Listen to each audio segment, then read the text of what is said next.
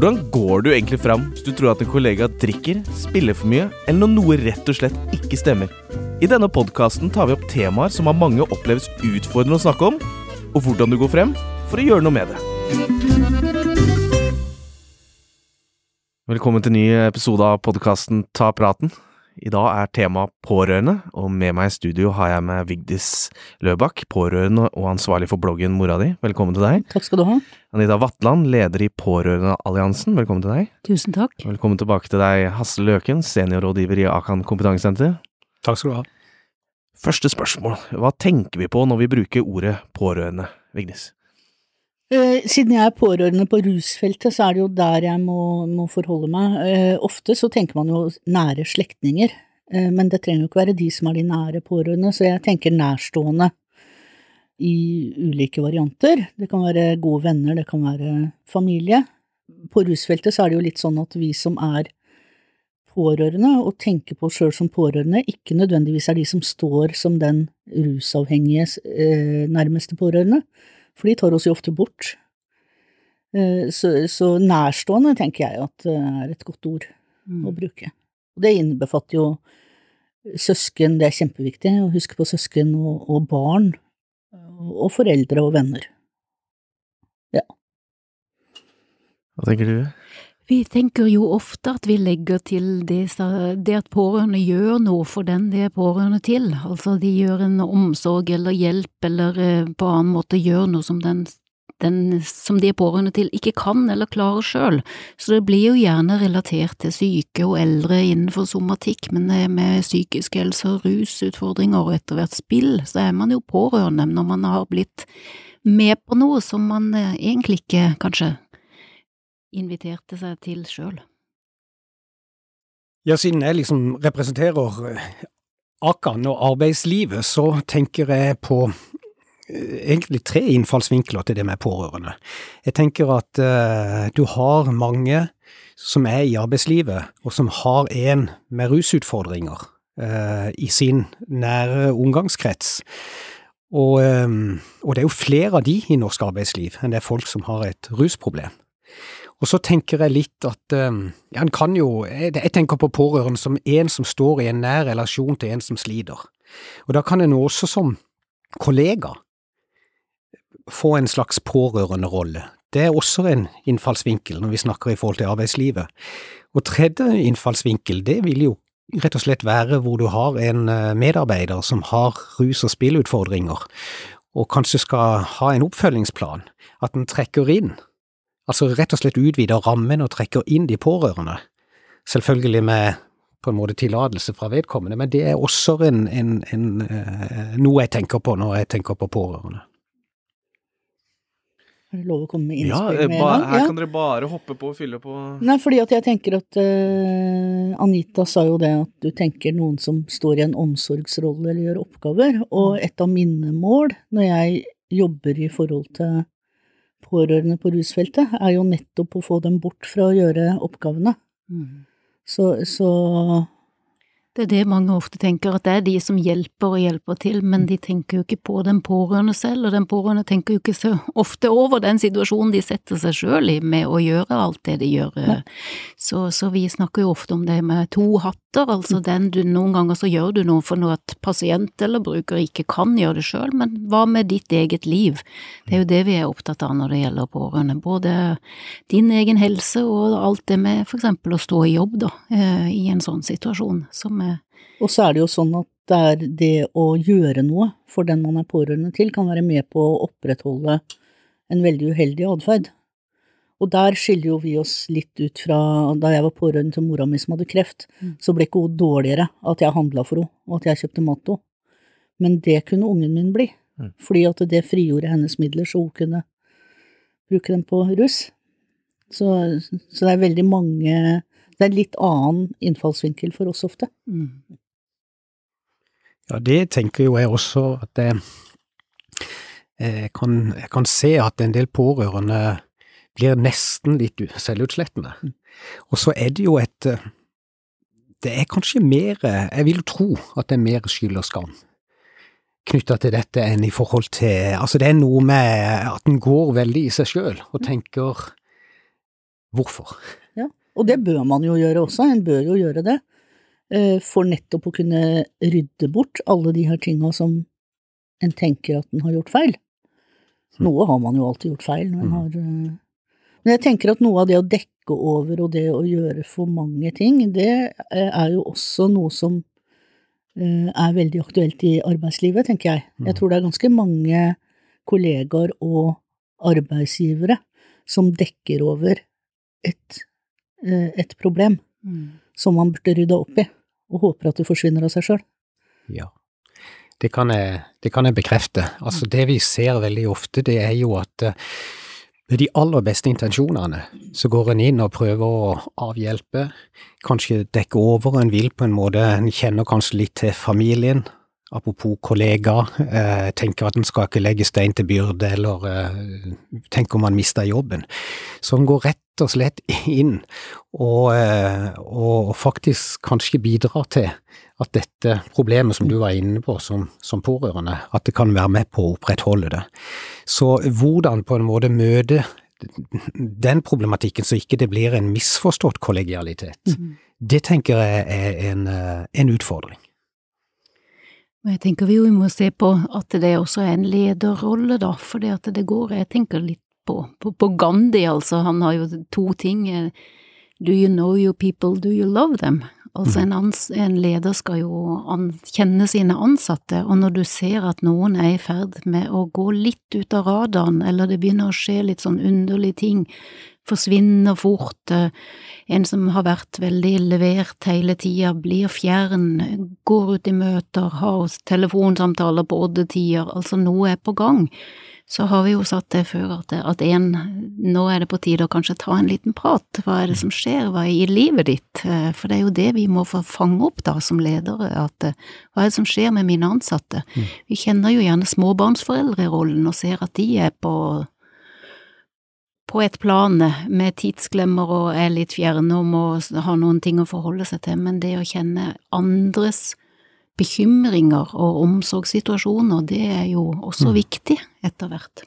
Vi, vi lever lenger, og vi kommer til å ha dette med oss lenge òg, som, som en sånn så og Når noen begynner å, å forsvinne fra radio, radaren din som leder, så tenker jeg da er det på tide å få de inn igjen og se hva er det som skjer her eh, med, med denne personen. Og vi, vi har jo forståelse for samlivsbrudd, ikke sant, det kan vi snakke om, og separasjoner som skjer, og delt omsorg og sånn, det går vi jo gjerne og forteller, men det er som Vigdi sier, her er vi inne på områder hvor det er, kommer inn andre følelser, skam og stigma, og, og hvordan skal du forholde deg til det som leder, og der er jo folk forskjellige. Noen går all in og forteller alt, andre er mer sånn, ok, jeg har det litt tøft, jeg trenger litt time-out på en eller annen måte, eller noe fleksibilitet eller noe annet som gjør at jeg klarer å, å, å overvinne dette. Og for noen pårørende så er jo arbeidsplassen fristedet. Mm. Det er jo det stedet de ikke forholder seg til det som er vanskelig hjemme. Eh, og det syns jeg er veldig greit. Det jeg ikke syns er greit, er hvis at uh, en skjuler ting på jobben fordi at en oppfatter at det ikke er et klima for å ta det opp. Og det tenker jeg er mer Det er et større område enn en samtale med en leder, for det er hvordan man snakker på pauserommet, og hva som er akseptert av atferd og ytringer der. Eh, Fordi at du har ikke lyst til å være åpen om noe som er problematisk, hvis du vet at praten på arbeidsrommet ikke er eh, ikke er ålreit. Så det har med sånn hverdagssituasjonen på jobben, så jeg tenker at det aller viktigste for å legge til rette for at pårørende skal ha en god arbeidshverdag, det er å sørge for et godt arbeidsklima generelt, Mm. og at den også har med seg rus spesielt, tenker jeg er kjempeviktig, fordi det er så stort problem. Mm. Større enn det vi tror. Og så er det kanskje noen som også ser at folk er forskjellige, for det er jo en som har for eksempel fått en partner med demens, forteller jo gjerne om det og får en forståelse for det, men så sitter det en som er helt stille, og da har en, en partner med rusutfordringer, og som ikke sier det, for det er ikke helt samme aksepten å snakke om, så, så vi har en jobb å gjøre for å få få dette på et likt nivå, altså. Så du har et veldig, veldig viktig poeng der. Og jobben er et fristed. Det ser vi også nå i disse koronatider. Eh, For mange som nå må sitte hjemme hele tida, så er det en del som lengter til å dra tilbake til kontoret Hjemmekontor er bra for noen, men ikke hvis det er et sted hvor du trenger Nei, å få fri fra. nei, absolutt ikke. Og det ser jo jeg som har en del av min jobb, er jo å ha samtaler med pårørende. Og for noen så har det vært veldig vanskelig, eh, det å ha hjemmekontor. Eh, Men for andre så har det vært en eh, veldig god frihet i det nå, for det er jo ingen som ser når de, de, når de må avbryte arbeidet og ta de vanskelige samtalene, for eksempel. Det har vært veldig fleksibelt for veldig mange, så det har også gode ting med seg. Det som ikke er bra, er jo den ensomheten det har ført til hos de som trenger det arbeidsnettverket. Mm. Jeg tenkte på det du sa, jeg er så enig i det. Altså, og det var det jo også en sånn Man spurte en del pårørende i en undersøkelse, og da sa de nettopp dette med arbeidsplassen som et fristed. Eh, og så er det en del som også syns det er vanskelig å ta det opp på en arbeidsplass, for de føler de outer den pårørende. Samtidig som jo det liksom litt Denne mis, kan, det kan være en form for misforstått beskyttelse, men, men den, den henger veldig fast ved oss. Og hvor, hva skulle gjøre at jeg skulle ta det opp rundt lunsjbordet? Vi kan snakke om det meste, mors alzheimer eller inkontinens, men, men akkurat dette, det når de andre forteller om dattera mi som går på NTNU og, og så videre, altså hvor festlig er det å fortelle at uh, sønnen eller dattera mi er ute og ruser seg eller er i behandling. Og hvis du da like før faktisk også har prata om eller det har vært litt sånn kommentar, litt slengbemerkninger i forhold til noe som sto i avisen, disse jævla narkomane, så inviteres jo ikke det. Og så tenker jeg, jeg har jo jeg har hatt gleden av å ha et engasjement knytta til noe sånn pårørendearbeid i forhold til en behandlingsinstitusjon, og der blir de da invitert, de pårørende, til å være med både på en sånn pårørendeuke, men også sånne helger. Og det å gå inn til sjefen sin og fortelle kan jeg få permisjon til det, det blikket du blir møtt på da, blir, blir møtt med, det tror jeg sier alt om du tar dette videre eller ikke, om du bare tar dette som en sykemelding, eller om du faktisk går inn på en velferdspermisjon og kan dele dette med, med jobben din. Jeg vet ikke hva du tenker, Vigdis? Nei, jeg tror du har veldig rett i det, og så ser jeg jo det at det er veldig ulik Jeg kan jo snakke fra mine erfaringer. Eh, For hjemme hos meg så hadde vi helt ulik tilnærming til det, hvordan vi skulle forholde oss til det å ha en rusavhengig i huset. Jeg er ikke sånn som ikke kan snakke. Eh, Jeg er skikkelig dårlig til å Jeg kan ljuge, men jeg er veldig dårlig til det. Sånn at det syns veldig godt når jeg ikke snakker sant. Tror jeg i hvert fall, da. Mm. Og da har jeg jo funnet ut at det er jo det beste å forholde seg til det som er sant. Eh, Så jeg måtte veldig tidlig fortelle eh, hva slags utfordringer vi hadde, altså det, i hvert fall når det kom til over det som en tenkte var vanlige tenåringsutfordringer. Eh, Mens mannen min, han holdt mer igjen fordi at han tenkte hva med henne, hun pleier jo å ha sommerjobb der han jobba, hvordan vil de se på henne? Og så var det jo også for å beskytte henne, selvfølgelig. Og så landa jeg på det at jeg har rett til å være åpen hvor jeg vil være åpen. Fordi hun spurte aldri meg om å bli narkoman. Hun spurte aldri meg om det var greit at hun begynte å ruse seg. Eh, Så da tenkte jeg at jeg kunne ikke spørre henne heller om hvordan jeg skulle forholde meg til det. Og én ting til var jo det at hvis jeg holdt det skjult, så var jeg med på å opprettholde en skam som jeg også la på henne. For jeg ville jo det at den Mm. dagen hun eh, fant ut at hun ville noe annet, eh, skulle komme inn i en familie der vi ikke hadde skamma oss og gjemt henne bort. Så jeg vurderte det som riktig for meg, men jeg satt jo egentlig ganske mye på spill da, fordi at jeg, i og med at jeg sa det at jeg må være åpen, så valgte jeg det for hele familien min. Det var et veldig riktig valg, har det vist seg i ettertid, men det hadde ikke trengt å være det. Så jeg skjønner det at folk er bekymra og tenker, og en skal jo tenke seg nøye om. Jeg tenker jo det at en skal tenke seg nøye om før en deler ting på jobben, men dette her er viktig, og det bør man dele. Det er Mm. andre ting en ikke burde dele på jobben. Jeg er enig, enig med deg, men jeg tenker vi også Vi snakker jo så gjerne om et varmere samfunn, og det mangfoldige samfunn og inkluderende samfunn, og det er det jo på tide å ta med inn på jobben. Eh, fordi der snakker vi også om mangfold og inkludering, men varmen, forståelsen for at vi er forskjellige som eh, arbeidstagere, må jo inn da i den lederrollen. Og jeg tenkte på det at, som Hasle sa, at hvis det blikket du får det skulle jo ikke vært der fordi denne lederen skulle visst om dette litt før. Eh, du måtte gå og spørre om den fri-situasjonen, så, så, det er jo det å få det inn der, og så ha en leder som tør å, tør å stå i det og si at ja, Kari hun er sånn, hun trenger det, og eh, Knut han er sånn, han trenger det. Så det går på egentlig for det med tre f-er, altså du må ha forståelse fra sjefen, og for noen så trenger de da en fleksibilitet i denne situasjonen, og noen trenger et fristed i denne situasjonen, og der er vi veldig forskjellige. Mm, så, så, så, det, mm, det er litt bra. Så eh, forståelsen fra lederen, vi må plassere ansvaret òg et sted, ja. altså. Og dette, ja da, og det er jo liksom, og det er noe mye, nå får leder mye ansvar. De har jo det, men altså, tenker det er jo hele kulturen. Og leder er jo sånn sett både signalgiver og kulturbærer, så det er jo, jo viktig, men hvordan skape dette klimaet? For en stakkars mellomleder får mange, får mye press på seg. Men kunne vi, og vi har for så vidt en, en, en brosjyre, så kan du si hvordan nå ut med den, men eh, som henvender seg både til ledere og ansatte for nettopp å skape en forståelse.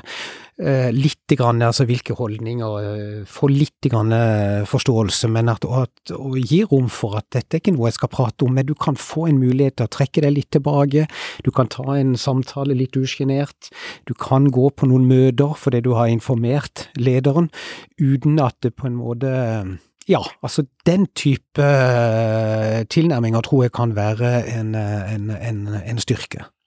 Absolutt. Men så snakker vi, når vi snakker om eh, arbeid og arbeidsplasser, så snakker vi jo veldig ofte om arbeidsplasser der folk er lokalisert på ett sted, der de kommer inn om morgenen, er på samme stedet hele dagen til de går hjem.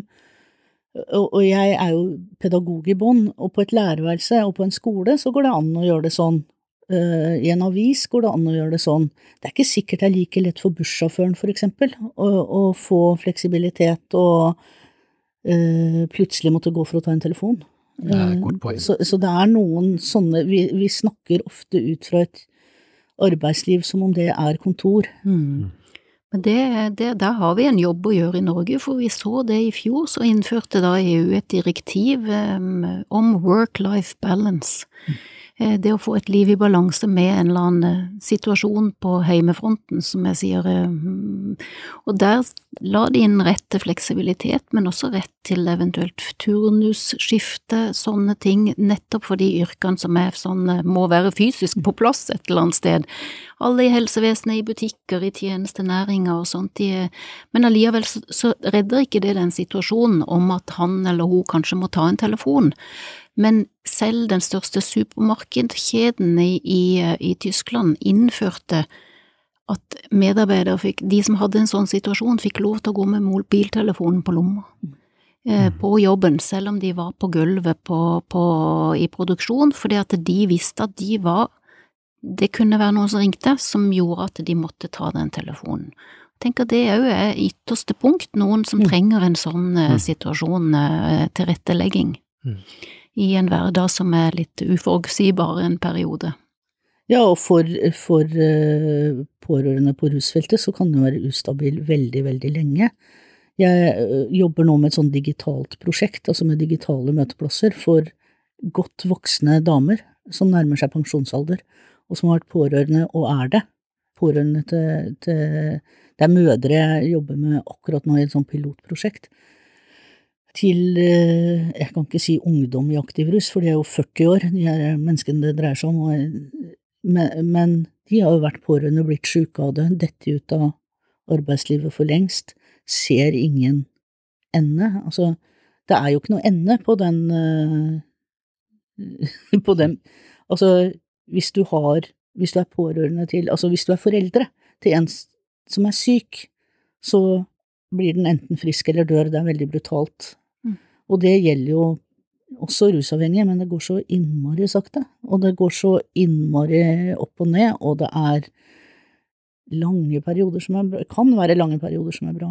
Mm. Altså, det, det, sitter folk rundt som nesten ikke tør å dra på jobben, fordi at de vet ikke hva som skjer i huset når de drar på jobb. Mm. Mm. Om, det er, eh, om det er en dør der når de kommer hjem, altså mm. rett og slett. Mm. Så, og det kan ikke, akkurat de tinga der kan det ikke tilpasses så veldig mye til arbeidsdagen, men det som kan tilpasses, er jo kunnskapen ute på arbeidsplassene, Mm. med faktisk å eh, koble inn pårørende, altså, og jeg mener ikke at alle sjefer skal måtte ta samtaler med alle pårørende heller, det er urealistisk å forvente, men at man har kunnskap om hvor det er hjelp å få, for det er det, det er Mm. masse hjelp å få, hvis man finner det. Mm. Ja, jeg er så enig med deg, Vigdis. Og det, hvordan kan vi på en måte bidra eh, til det? Mm. Altså, jeg tenker jo en arbeidsplass som er litt, litt på, Mm.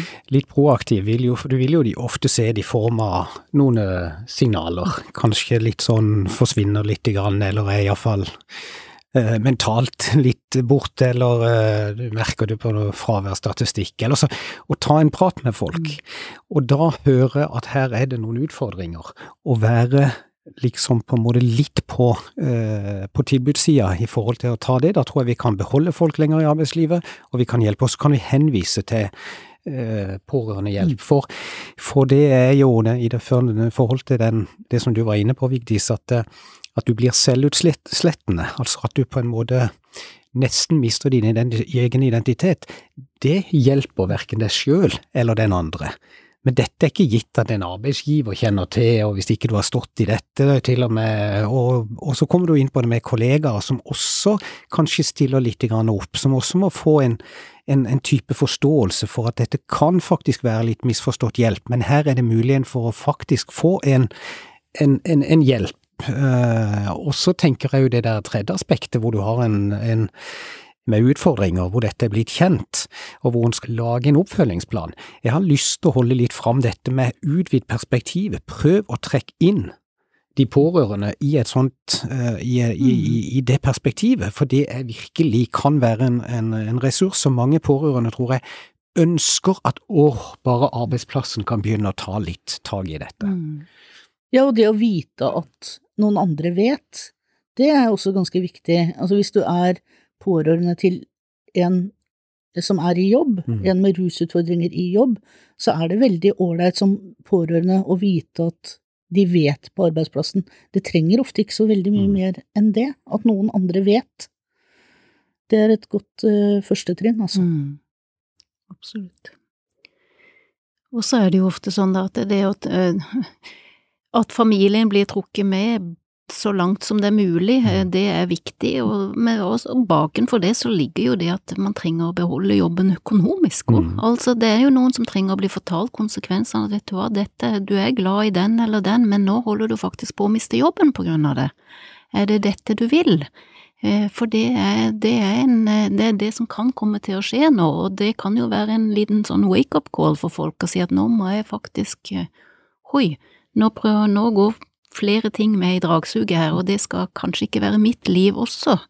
Eh, For det å ivareta seg sjøl da som den pårørende er ganske viktig eh, eh, til syvende og sist, for det er ingen som er tjent av to to eller flere går nedenom og hjem av én situasjon. Nei, det er det som er, vi må tenke på. Og Der ligger det sånn samfunnsansvar overordnet, Det det. tenker jeg da. Det gjør det. Mm. Nei, for jeg tenkte rett og slett litt, for vi, det er jo av og til at vi får noen henvendelser fra arbeidsgivere som er blitt kontakta av pårørende. og så sier de hva skal vi gjøre med den informasjonen, eller sånn. Så sier jeg det, det første jeg ville ha gjort var jo å si kan jeg referere til at jeg har prata med deg. Og hvis de sier at nei, det må du for all del ikke gjøre, så, eh, så tenker jeg at det jeg kan si er jo jeg kan ta det litt sånn på alvor, så kan jeg si at nå følger jeg litt grann med slik at jeg har nå et bakteppe som kanskje gjør at jeg jeg oppdager ting. Men det er klart det blir litt vanskelig å gå og si at jeg kommer med for øre eh, på bakgrunn av en anonym telefon som har kommet uten at jeg sjøl har gjort noen observasjoner.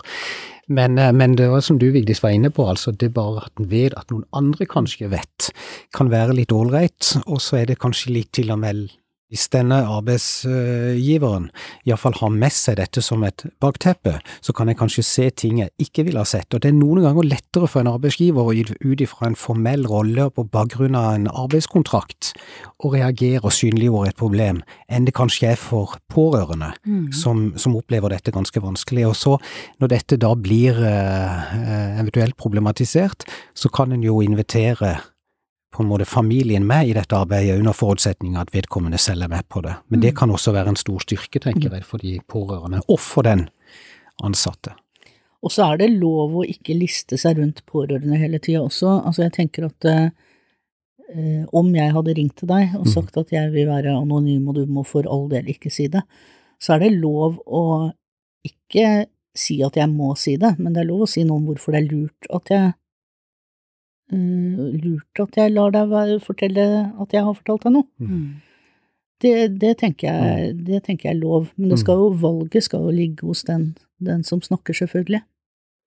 Men er det noe i Akan-modellen som legger opp til hvordan håndtere sånne situasjoner når pårørende ringer inn? Ringer man da til eh, Akan-kontakten, eller tar det den veien? Det, det, der er, det er litt ukjent for meg, faktisk. Ja, nei, altså, vi har ikke noen sånn oppskrift på, på det, men, eh, men, så det blir mer en sånn refleksjon mm. i forhold til at eh, takk for at du tar, uh, tar denne uh, den informasjonen, altså gir meg den informasjonen.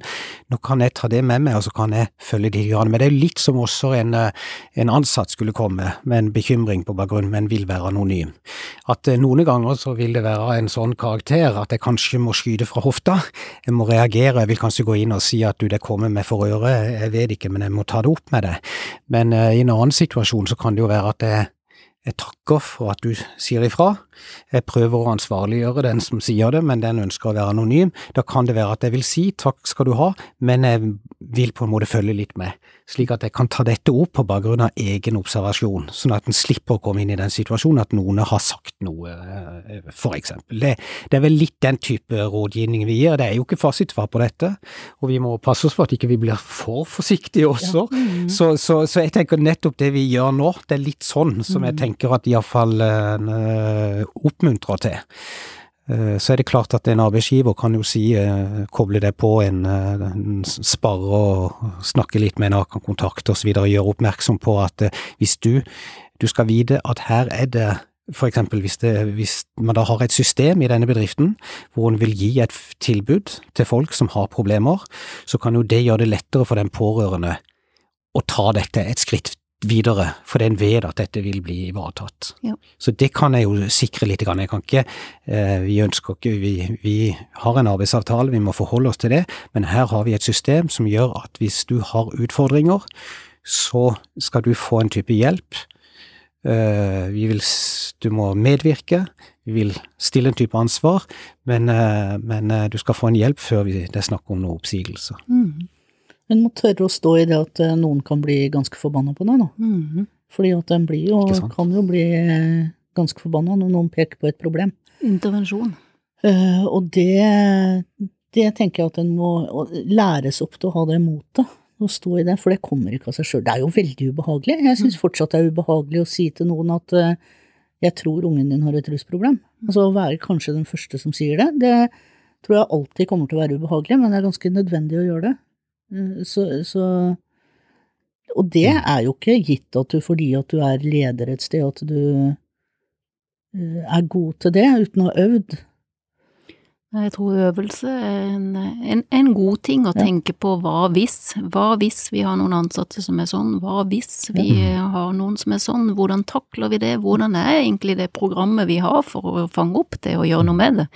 At det gir jeg grunnlag alt fra at noen blir alvorlig syk selv, til, eh, til, at de kommer i en situasjon hvor noen er i en pårørendesituasjon som gjør at de blir mentalt ikke til stede en periode, eller av og på i perioder, eller hvordan det blir. For det, det, det er jo Vi er jo veldig opptatt av livet, og arbeidslivet er en del av livet, iallfall som vi har lagt opp til i Norge, både mm. for den som, som eh, er pårørende, og det er i alle slags eh, situasjoner. Så vi, vi vi trenger å ta det med oss inn. Og så er det jo greit å eller viktig å være klar på hva man kan gjøre noe med, og hva man ikke kan gjøre noe med. Det jeg ønska meg aller mest som pårørende, det var jo at noen skulle gjøre de tinga i forhold til den jeg var pårørende til, som jeg ikke fikk til sjøl. Gjerne få til akkurat de samme tinga som jeg ikke hadde fått til. Mm. Og så er det jo sånn at det er jo ingen der ute som kunne gå inn og gjøre mer av det samme som ikke virka. Altså, det ville jo vært veldig dumt, i hvert fall, hvis de hadde gjort det. Og jeg ville jo at noen skulle ta bort problemet mitt, overta det, eller vise hensyn. Altså, jeg må jo skjønne at jeg har det sånn, fordi at nå Det er jo ikke realistisk, og det kan jo være i perioder som man faktisk ikke kan være på en arbeidsplass. Fordi at den ikke virker, Mm. rett og slett. Og det også er jo greit å få signaler på. Altså, en skal jo Ja, man skal ta hensyn, men det skal jo ikke gå utover andres liv og helse. Hvis du kjører bussen og du ikke faktisk er i stand til å ta gode valg, da bør du faktisk bli eh, satt enten til noe annet, eller så bør du være sykemeldt. Mm. Fordi at du ikke klarer å ivareta arbeidsoppgavene dine. Det er ikke alt som kan tilrettelegges alltid. For noen ganger så tenker jeg at vi ikke helt Vi klarer ikke alltid å skille på I hvert fall ikke når vi står i tunge utfordringer. Så klarer vi ikke helt å skille på hvilken arena vi er på. Det blir sånn at en forventer nesten noen ganger at eller ønsker, da, at arbeidsgiveren er mora di, som ordner opp for. Jo, men altså, det, er, det høres jo helt absurd ut å si det sånn, Mm. men en ønsker jo bare å bli tatt vare på og bli Men arbeidsgiveren er ikke mora di, altså. Mm. Takk og lov for det, egentlig. Men det er en, god, som, en par god partner man også bør ha med på laget, det er jo fastlegen. Ja. Ikke sant? Det å ha en fastlege i en sånn situasjon som faktisk vet at du er i en sånn pårørende situasjon, og kan være den som også kanskje formelt formidler noe tilbake igjen til jobben og sier at her er det behov for noe ekstra forståelse eller øh, en eller annen konto for, øh, for, for å oppøye at øh, det er litt øh, turbulente tider i heimen. Så, så at det er jo en eh, gudsgave til en sånn situasjon å ha en god på fastlege som er, som er informert. Så hadde jeg også lyst til å si en gruppe som vi må huske på, som du sa i begynnelsen, Vigdis, det er jo voksne søsken. For det sitter jo faktisk men Det er jo det lengste forholdet vi har til noen i vårt liv, eh, å være søskenforholdet. Det varer jo lenger enn foreldre. Så det fins jo søsken som sitter der ute og er i 40-50-60-åra og får telefoner fra søsken om at de, eh, det ikke går så bra. Og de er jo også Det, kan vi jo kanskje lure på, guri land, hvorfor ringer broren hos si så ofte, liksom. Men eh, kan ikke de snakke på kveldstid? Men det kan jo være også sånne situasjoner som henger med. At man har Og de søsknene der. de Mm. arver jo ofte De arver jo ofte den de er pårørende til. Mm. Når foreldrene er så gamle at de ikke orker mer, så er det et søsken som arver ansvaret. Mm. Og det er en stor oppgave å ha. Det er eh, Ja. Og der er det faktisk ikke så veldig mye forståelse om dette heller, fordi at du er jo bare søsken. Ja, det, det, det tror jeg er veldig riktig. Altså, vi ser at også unge søsken eller, eh, eller barn av rusmisbrukere, men altså, det kommer det opp i studietida, så kommer disse tingene ofte litt fram, eh, at det er noen utfordringer her. Så det tror jeg er kjempeviktig. Jeg tenker jo iallfall det jeg har lyst liksom også å formidle, er jo at det, det en ofte gjør i disse situasjonene som pårørende, det er jo med veldig gode intensjoner. Det er jo altså normale dyder. En vil jo stille opp og hjelpe og avhjelpe i forhold til en som, som sliter. Og så kan det da i noen sammenhenger eh, bli eh, en type misforstått hjelp, og det kan også gå utover deg sjøl, som igjen ikke hjelper den andre. Og da er det jo noe med å Rett og slett er det et, et ordtak som sier noe sånt som at eh, at veien til helvete er brolagt med gode intensjoner. Sånn at det er jo noe med å, å Det er lov å ta vare på seg sjøl, og at det kanskje er den beste hjelpen. Altså Jeg ønsker at noe av det også skal komme, komme eller skal, skal, skal komme fram. Og selv om vi jobber i forhold til arbeidslivet, så er iallfall det en sånn, et sånt viktig aspekt eh, i forhold til dette. Jeg vet ikke hva dere tenker. Jeg tenker at som pårørende så bør vi på en måte minnes på at vi har en moral der et sted. Altså, øh, hvordan er det Det måtte jeg tenke noe, jeg måtte tenke noen runder på, det vet jeg at gjelder andre. Så hva skjer med moralen min hvis jeg må dekke over, hvis jeg må si at nei, han er syk, han ringer, hvis du må ringe for mannen din og si at han ikke kommer på jobben, altså, og du ljuger? Altså hvis han begynner, altså en kommer inn i en sirkel som jeg tror det Altså, jeg tror det bryter deg ned ganske mye, den biten der òg. Det er ikke bare skuldrene som går opp. Da, så, så eh, Nå tror jeg ikke jeg svarte på det du egentlig spurte om. Jo, jeg tror det- egentlig du, eh, du okay. utfylte det, definitivt. Ja, nei, for det, det, det som plages med mange, er jo dårlig samvittighet. Det er jo det. Altså, jeg er en dårlig pårørende, jeg er en dårlig Mm. venn for denne jeg er en dårlig far fordi at jeg sier nei. Så må en ofte gå ut og si at egenomsorg er ikke egoisme. Det Mm. er jo ikke Noen må stå, altså være still standing i alt dette her, for det hjelper ikke at det er flere som, som, som faller ned på grunn av en situasjon. Det er jo det en må fortelle folk, selv om det er veldig vanskelig. For, for pårørende ligger forskjellig som mennesker. Noen sier nei, og så fjerner seg med i gang ganske tidlig, og så kanskje de er litt av og på, mens noen går all in. Og de det er jo gjerne den der all in-en hvor en må få hjelp til å se og trekke seg litt tilbake og vurdere seg sjøl og si at dette hjelper faktisk ikke, at jeg også går dukken på denne veien her.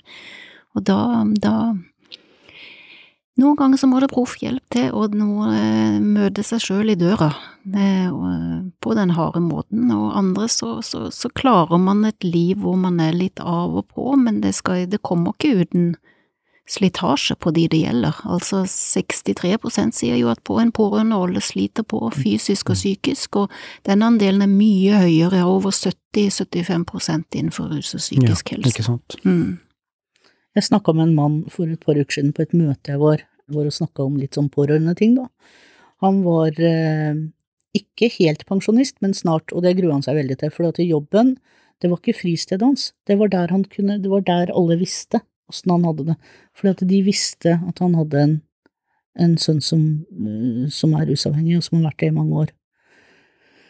Eh, Så der trengte han ikke å si så mye. Han trengte ikke å, alle visste det jo der, så der trengte han ikke å forklare noe. Men han er snart pensjonist, et par år igjen, og så har han et stort hus. Og han har lyst til å flytte i leilighet, egentlig. Men han sier jeg kan jo ikke selge det huset med den sønnen som følger med, altså, han bor jo der. og, og han jo han vil jo ikke ha en leilighet med sønn, så det er jo ikke aktuelt.